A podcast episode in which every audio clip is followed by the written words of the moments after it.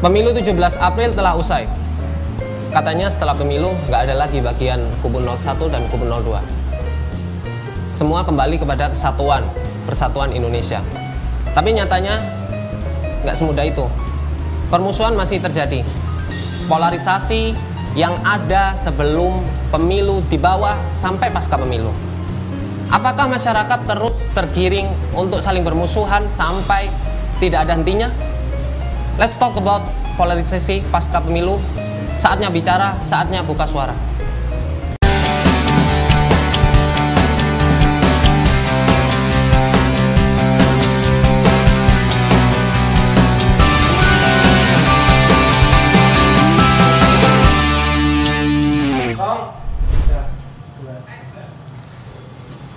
Saat ini saya sudah bersama dengan narasumber yang ahli dalam hal politik. Beliau adalah dosen di FISIP Universitas Brawijaya Pak Gustomi beliau juga uh, pengamat politik di laboratorium Peace and Positive Cyber Activism langsung saja Pak Tommy apa kabar? Ya baik Mas Afik Ya bicara soal polarisasi nih sebelum kita jauh ke polarisasi pasca pemilu Pak uh, polarisasi sendiri itu apa sih Pak? Nah ini perlu didudukkan ke teman-teman UBTV ya. Polarisasi itu kan ketika sesuatu itu ada di dua kutub yang berseberangan. Ya. Ada bagusnya ada tidak bagusnya kalau dibilang ya.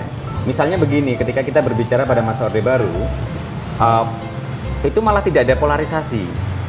Jadi ketika ada fusi partai, kemudian semua partai didegradasi jadi tiga partai, yang terjadi adalah tiga partai ini punya program yang sama. Akibatnya apa? Dulu muncul gerakan golput Nah gerakan golputnya itu justru menolak karena ngapain nyoblos? Toh sudah jelas presidennya siapa, sudah jelas programnya apa dan bagaimana akan dilakukan. Sehingga tidak ada polarisasi politik. Positifnya di situ. Positifnya di situ. Tapi pertanyaannya adalah ketika itu berorientasi ketika ada polarisasi antara partai satu partai dengan partai yang lain, ada perbedaan orientasi publik. Contoh sederhana ya di uh, seperti di Amerika ada Republik dan Demokrat gitu. Yang satu pro kepada petani misalnya, yang satu pro kepada buruh gitu misalnya. Nah terserah nanti petaninya mau mulai siapa berusaha partainya jelas berbeda. Artinya ini kecenderungan global, polarisasi. Oh enggak, enggak, enggak, bukan kecenderungan global. Ini adalah kriteria politik ya kalau hmm. awal-awal kita bicarakan. Nah, polarisasi menjadi buruk ketika isu-isu yang terpolar itu, isu-isu yang menjadi dua kutub itu, itu hanya isu-isu bukan isu publik, okay. isu yang menyangkut kehidupan semua orang, tetapi hanya sekelompok orang yang berbasis primordial. Nah ini yang menjadi masalah, gitu loh, ya.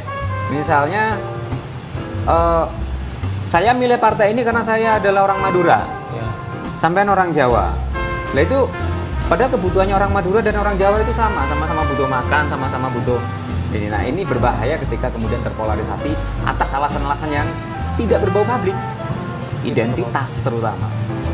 Polarisasi yang berbentuk identitas. Ya. Ah, Kalau menurut Mas sendiri, Indonesia Polar, nah, gini, polarisasi identitas. Yang menjadi menarik begini, kalau mau berbicara ya, ini kurang ajarnya di Indonesia ini ya. saya pikir ya, partai-partai di Indonesia.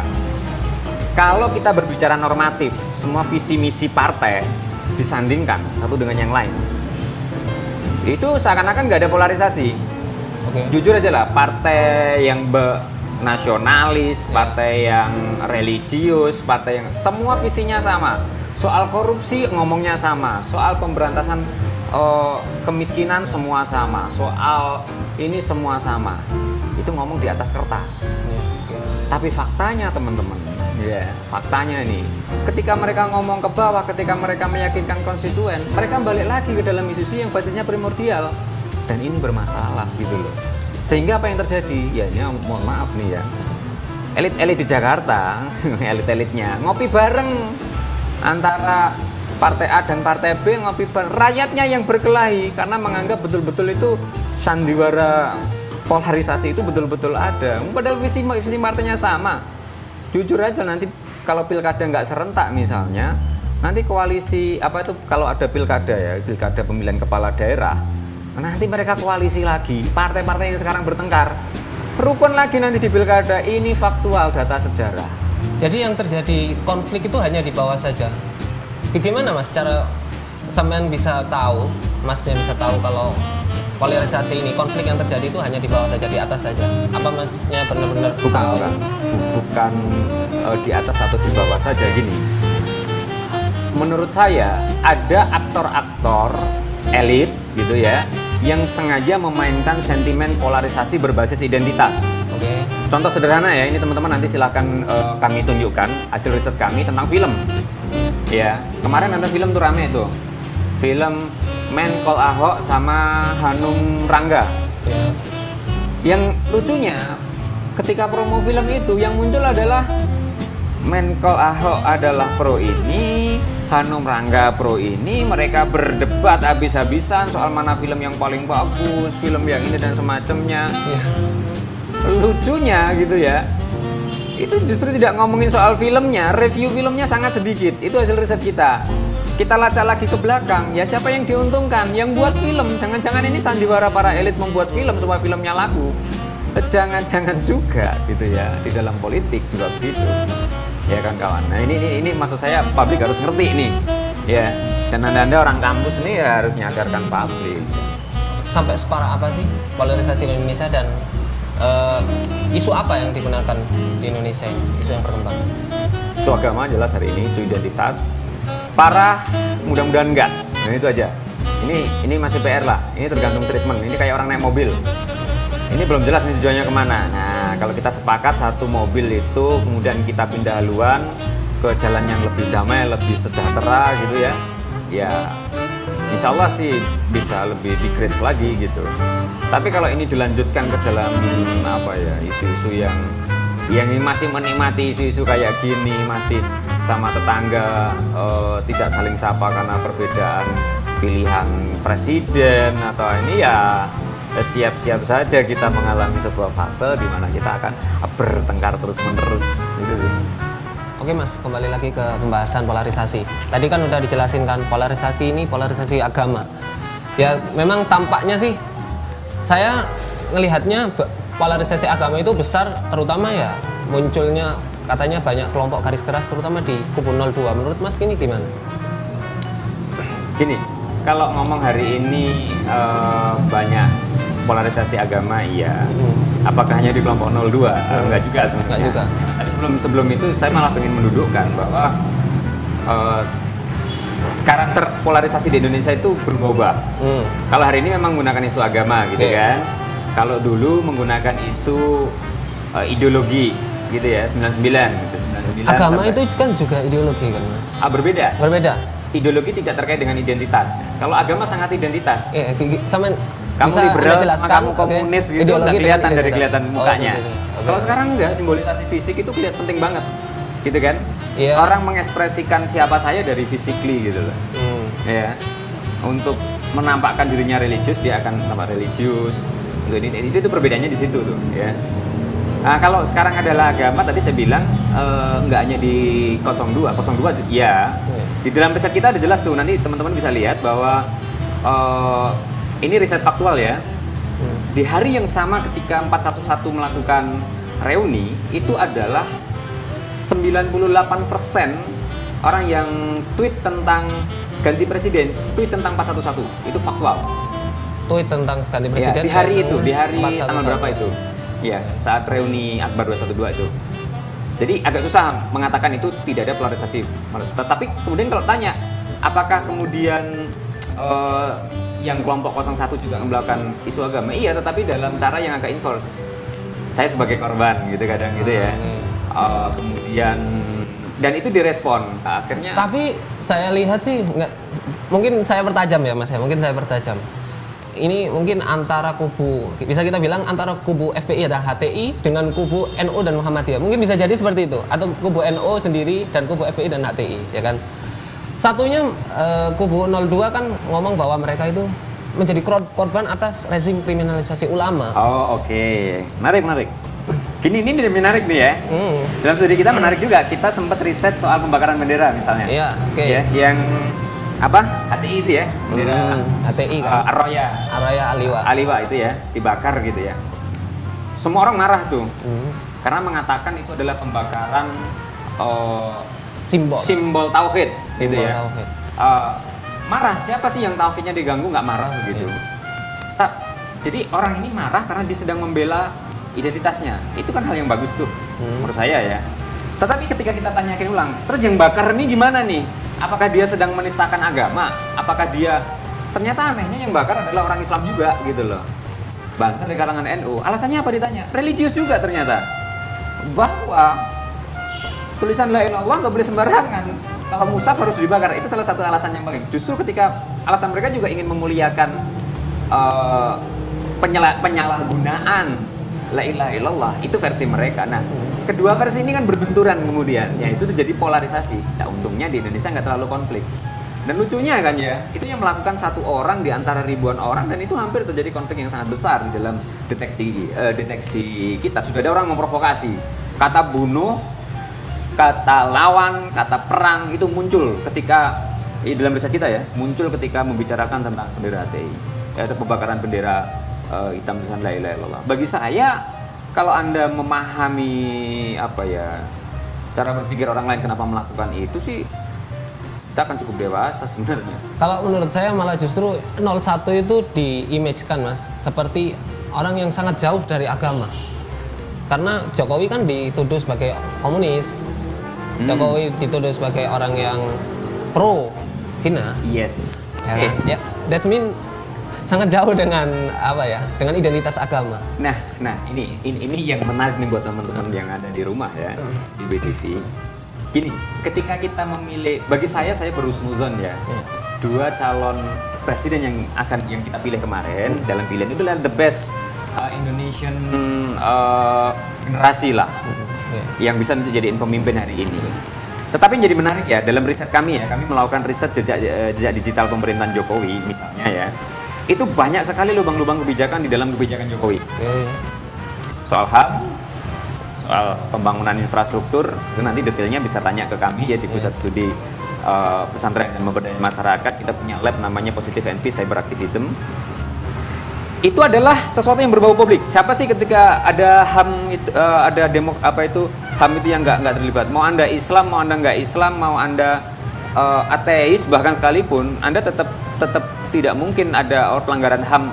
Kita bersepakat tentang hal yang sama gitu loh ketika ngomong infrastruktur ya mau anda Papua mau anda Jawa ini tetap ngomong yang sama tetapi anehnya ketika yang dikritik habis-habisan itu hanya soal kamu Cina nih Ya. ya muka kayak Jokowi yang deso itu Tentang ya. turunan Cina itu kan agak susah di agak kram sedikit lah kita memahaminya bagaimana muka seperti itu keturunan Cina gitu misalnya ya Ya. itu di, di di tweet itu besar sekali Iya mas. dan itu nggak ada hubungannya dengan kebijakan publik gitu loh Ya Nah, itu sebetulnya jadi masalah. gimana itu?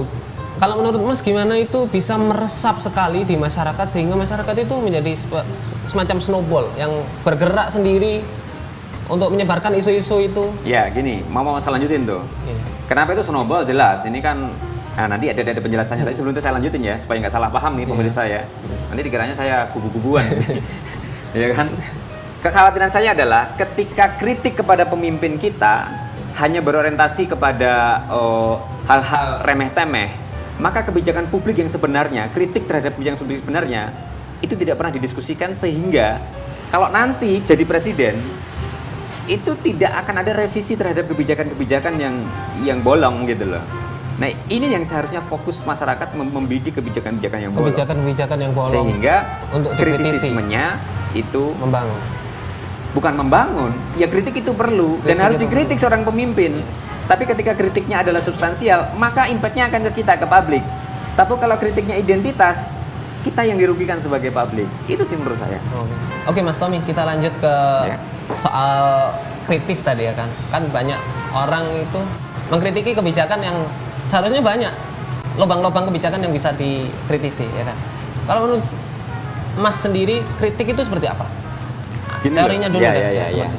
Ya gini, kalau ngomong tentang kritik kebijakan itu harus nggak ada kebijakan manusia itu nggak bisa, apalagi ini kebijakan publik ya. Oke. Kebijakan publik itu nggak bisa nyenengin semua orang, Oke. gitu loh.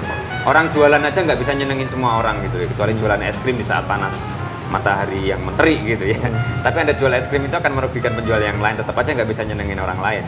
Apalagi kebijakan publik gitu ya. Kebijakan publik tentu akan terpilih. Nah oleh karena itu kritik kepada kebijakan menjadi penting.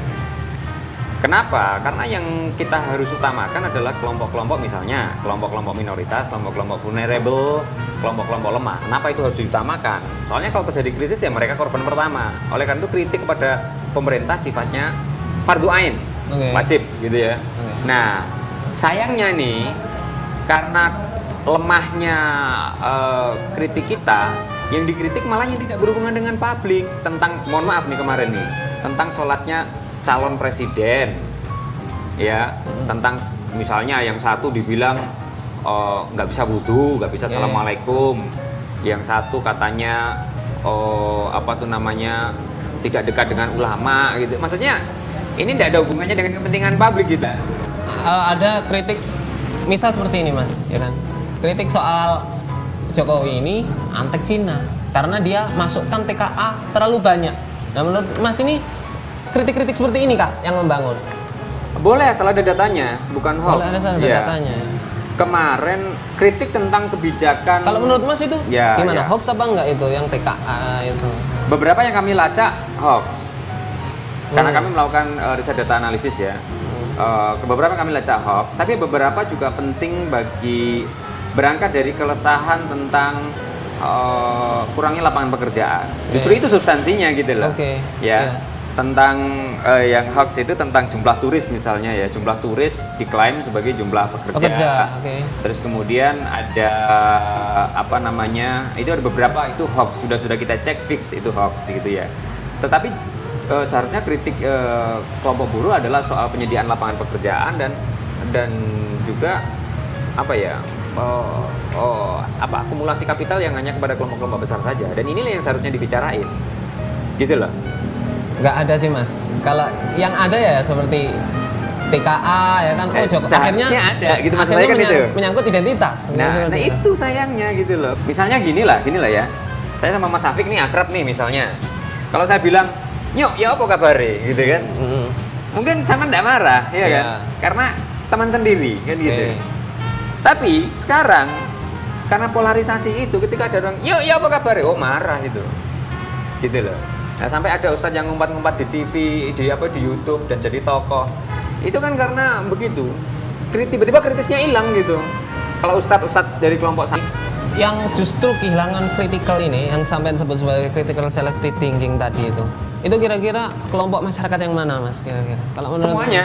semuanya Oke. semuanya ada termasuk sampean jangan-jangan mayoritas kira-kira ada golongan maksudnya misal ma- golongan yang sampean sebut, eh, sampean sebut tadi bahwa itu Ah. terjadi di bawah saja atau golongan menengah ke atas justru malah yang sering Oh. kena fake news atau gimana? gini ya ini, ini menarik Ya, ya. fake news iya. ini riset empiris ya di anu eh, justru yang kena itu adalah yang baru bersentuhan di dengan sosial media dan teknologi ya contoh sederhana begini nih Eh, ini adalah para apa ya istilahnya naturalisasi dunia digital gitu ya. Orang yang nggak native-nya digital.